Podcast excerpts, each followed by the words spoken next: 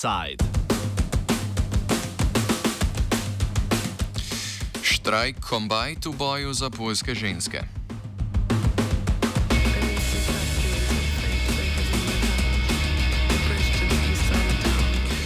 Prejšnji teden sta organizaciji eh, Volunteer Europe in European Civic Forum dodelili Evropske državljanske nagrade. Nagrado za aktivno državljansko pobudo so za leto 2017 dobili poljski aktivisti pod imenom Strike Combite oziroma Poljski ženski udar. Aktivistke z Poljske, ki so si nadele ime tudi jezne ženske in moški aktivisti, ki so se jim pridružili in jih podprli, so odgovorni za organizacijo poljske ženske stavke in protesta proti načrtom poljske vlade o popolni prepovedi splava 3. oktober 2016.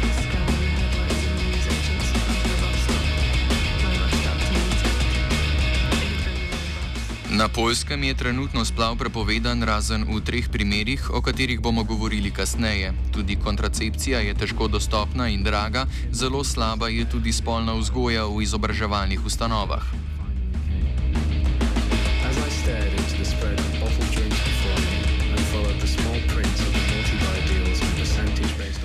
Protest lanskega oktobra je bila prva množična mobilizacija poljskih žensk z namenom zaščite njihovih pravic, v kateri je sodelovalo več kot 100 tisoč ljudi. Stavke in protesti so potekali po vseh večjih poljskih mestih in tudi v veliko manjših mestih, kar ni običajno za te vrste shodov.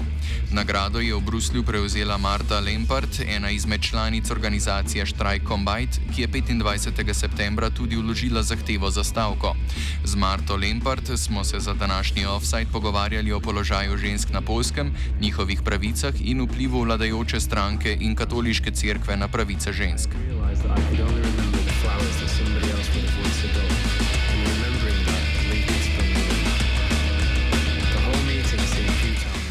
Za začetek Marta Lempart pojasni, kako so se aktivisti v lanskem letu za protest, poimenovan Črni protest, organizirali in kako so agitirali javnost, podari tudi pomen in uporabo socialnih omrežij za organizacijo protesta.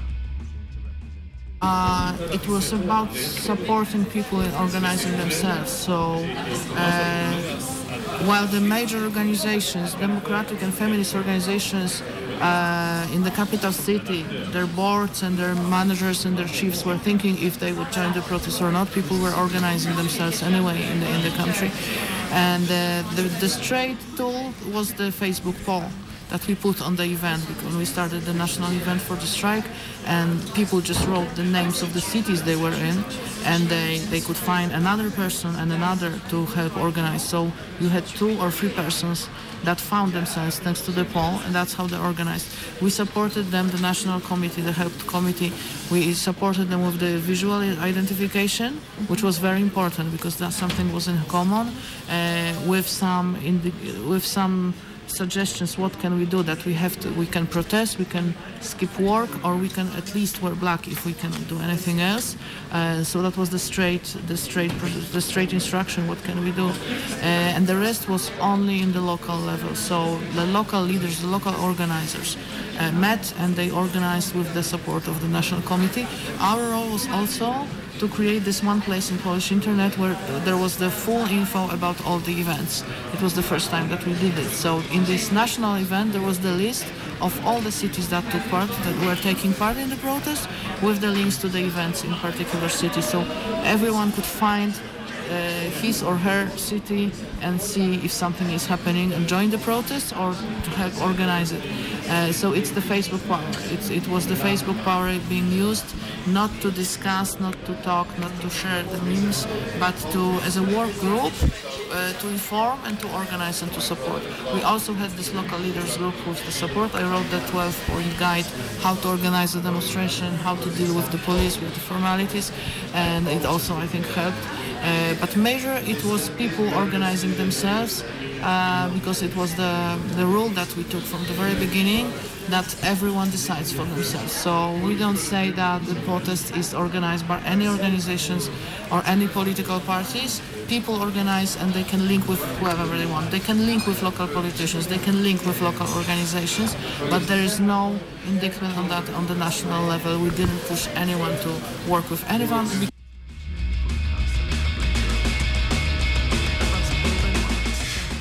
Kot pomemben dejavnik za uspešno organizacijo izpostavi tudi povezovanje med mesti in organizacijami ter širitev stavk in protestov izven glavnega mesta. Protesti v manjših skupnostih, po mnenju polskih aktivistk, ljudem, ki si želijo spremembe, dajo občutek večje moči in vpliva. Prav tako protestov v takšnem obsegu oblasti ne pričakujejo, kar ustvari faktor šoka. This is the direct democracy. That people choose for themselves and they represent themselves. They don't go to the big city to protest. where you have the stage, the big stage with the barriers and politicians talking from the big stage to the participant, because in the local community, when in the smaller town, you just have people gathering and somebody speaking, you don't have this, this space between the organizers and the participant because everyone is an organizer in a way because he's, he's sharing information, he's giving out posters or flyers, and also Uh, it's a it's a, a, case of public space. So people are there together. There's no division between the stage and the audience. This is a very important thing. And when people started organizing that, I think they realized that, that it's not going to be this stage and the audience thing that they do it together. I think that works also.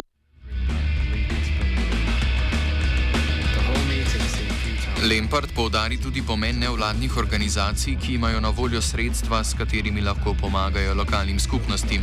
A povdarja, da je pomoč zaželjena, napačno pa je mišljenje, da večje organizacije manjšim naročajo, kaj storiti, saj na tak način aktivistom v manjših mestih oduzamejo avtonomijo in celo željo po sodelovanju.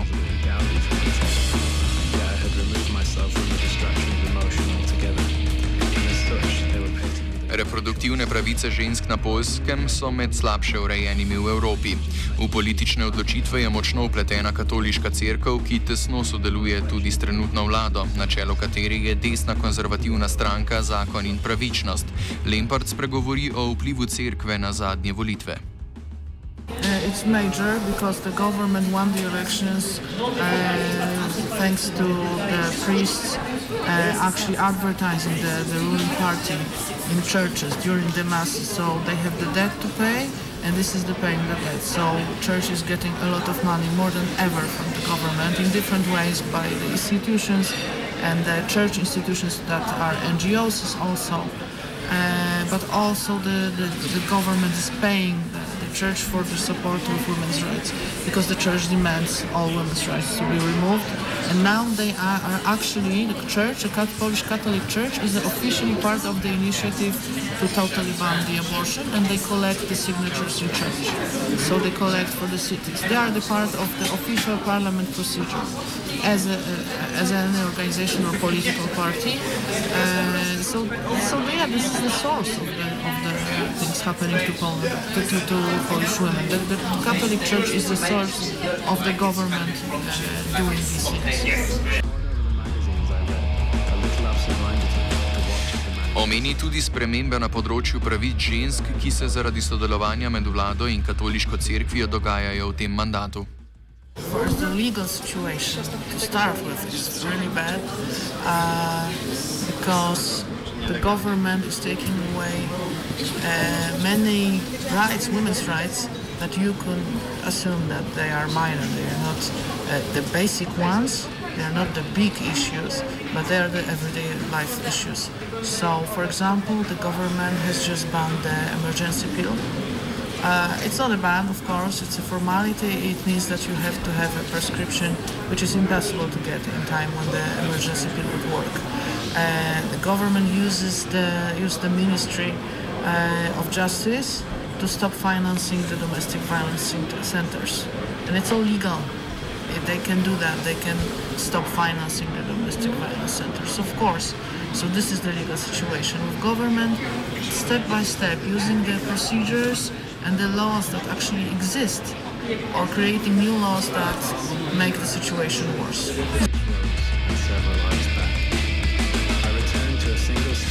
Na Poljskem je problematičen zakon o ugovoru vesti, zaradi katerega izvajanja splava ne zavračajo le posamezni zdravniki, ampak tudi celotne bolnišnice, celo regije.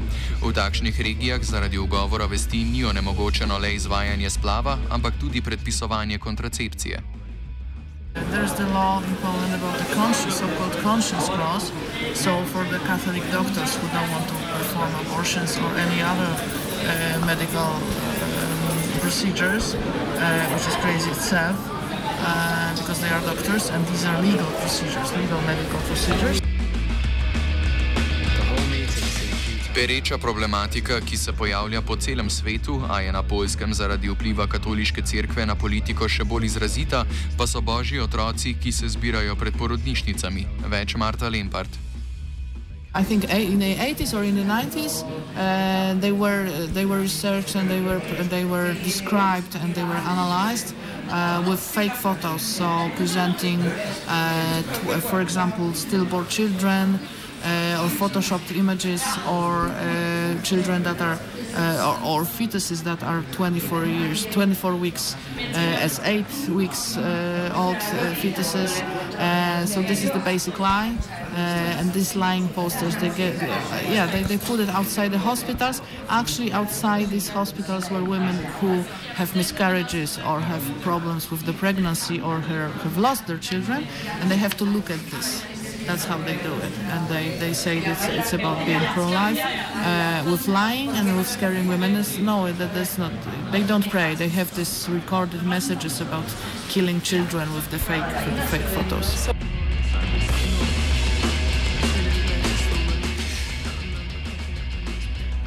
Na polskem je velika ovira za aktiviste, ki se borijo za človeške pravice, tudi javno mnenje, ki je bilo pred protestom zaradi nepoznavanja situacije in zakonodaje veliko krat na strani kriminalizacije splava. Lempard povzame spremembe v javnem mnenju, ki so jih aktivisti dosegli s svojim delom. The legal situation to start with is really bad uh, because the government is taking away uh, many rights, women's rights, that you can assume that they are minor. They are not uh, the basic ones. They are not the big issues, but they are the everyday life issues. So, for example, the government has just banned the emergency pill. Uh, it's not a ban, of course, it's a formality. It means that you have to have a prescription, which is impossible to get in time when the emergency pill would work. Uh, the government uses the, use the Ministry uh, of Justice to stop financing the domestic violence centers. And it's all legal. If they can do that. They can stop financing the domestic violence centers, of course.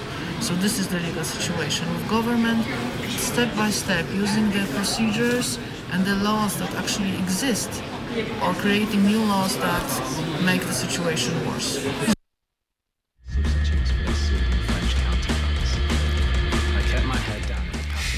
Lanskoletni zakonski predlog o kriminalizaciji splava, s katerim bi bile lahko ženske za upravljanje splava obtožene na do pet let zaporne kazni, je vlada sicer po protestih umaknila. Kljub temu je splav na polskem težko opraviti. Veliko žensk splav opravi ilegalno ali pa ga opravi v tujini, kjer tak poseg stane približno 1000 evrov. Two ways, there are two ways. It's done illegally in Poland. uh, or it's done abroad. Uh, the cost is almost the same. It's about thousand euro.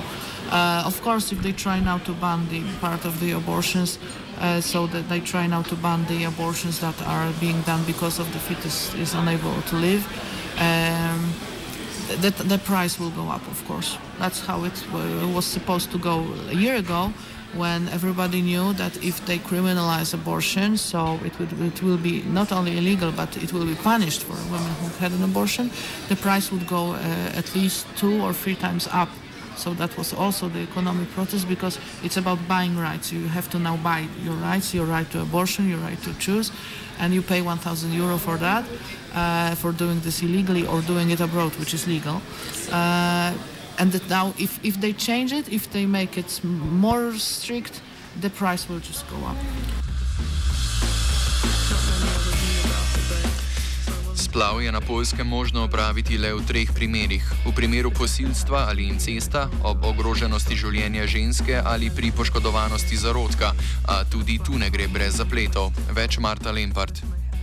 It's, there are three cases which are not obeyed, as I've said. There are whole hospitals and whole regions when you don't get the abortion. First is the, uh, if the pregnancy is the result of rape or incest. The second is when women's health or life is in danger, which also doesn't work, and women die actually because doctors don't perform abortions. Uh, we have also many many cases in the European Tribunal, the Human Rights Tribunal. Uh, because of the legal abortion not being performed with the danger of, of women's life or health.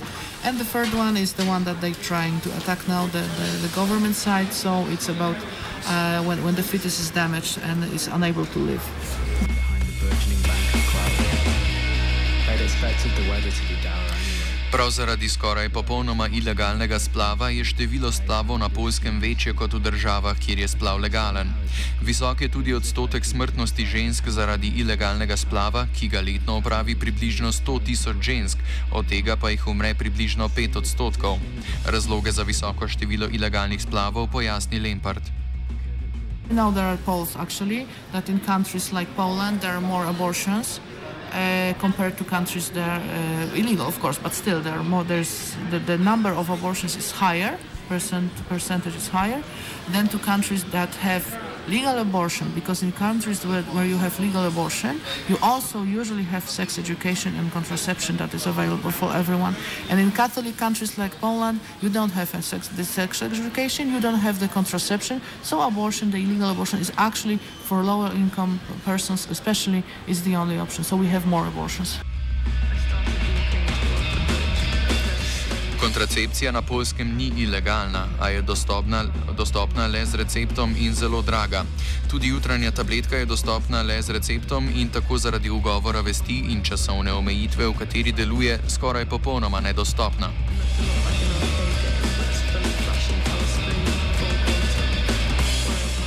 Na polskem je problematično tudi nasilje nad ženskami, ki je strani vlade sprejemljivo. Yes, it's acceptable. Uh, most of the procedures that were worked uh, out during these many years uh, and during this with these great great organizations that do the daily work for domestic violence victims it's all backing up now.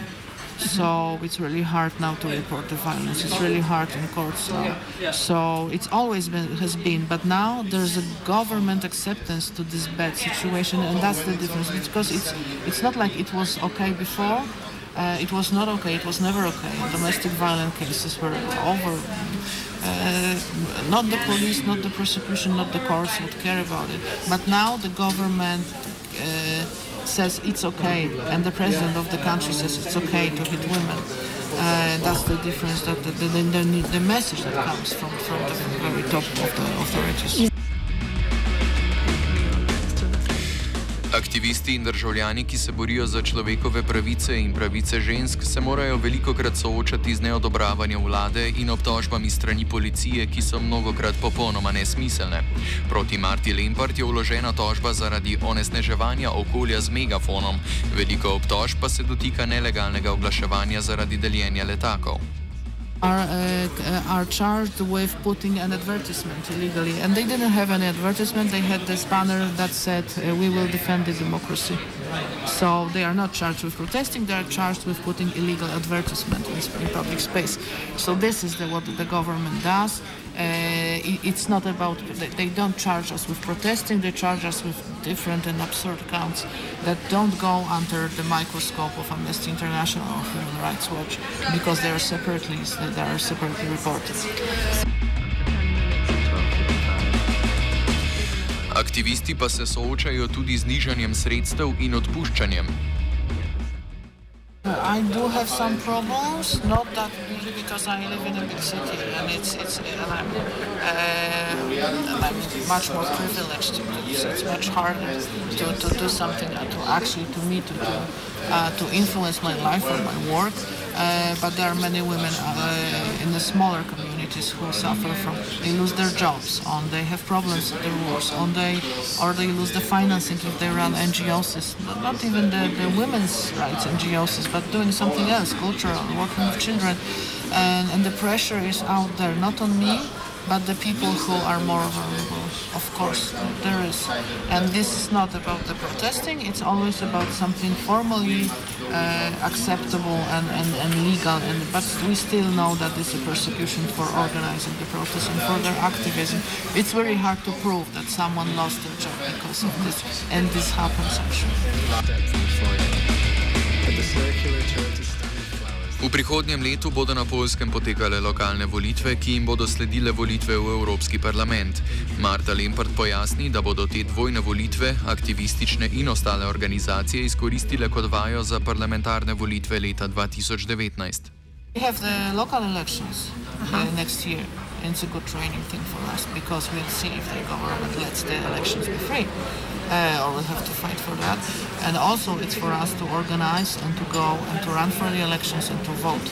So it's good that we have that for women, especially now, that are the major force, and we are perceived as the major force. So also, if you're talking about the left side for women's rights and for women for uh, human rights, it's a chance for change actually because people, activists.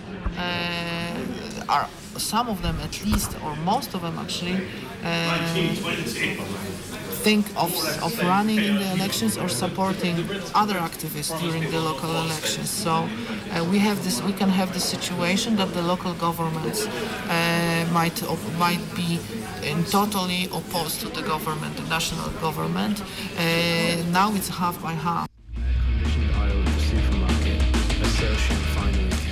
Organizacija Štrajk Combite, ki se povezuje s podobno mislečimi organizacijami, po lanskem protestu ne počiva.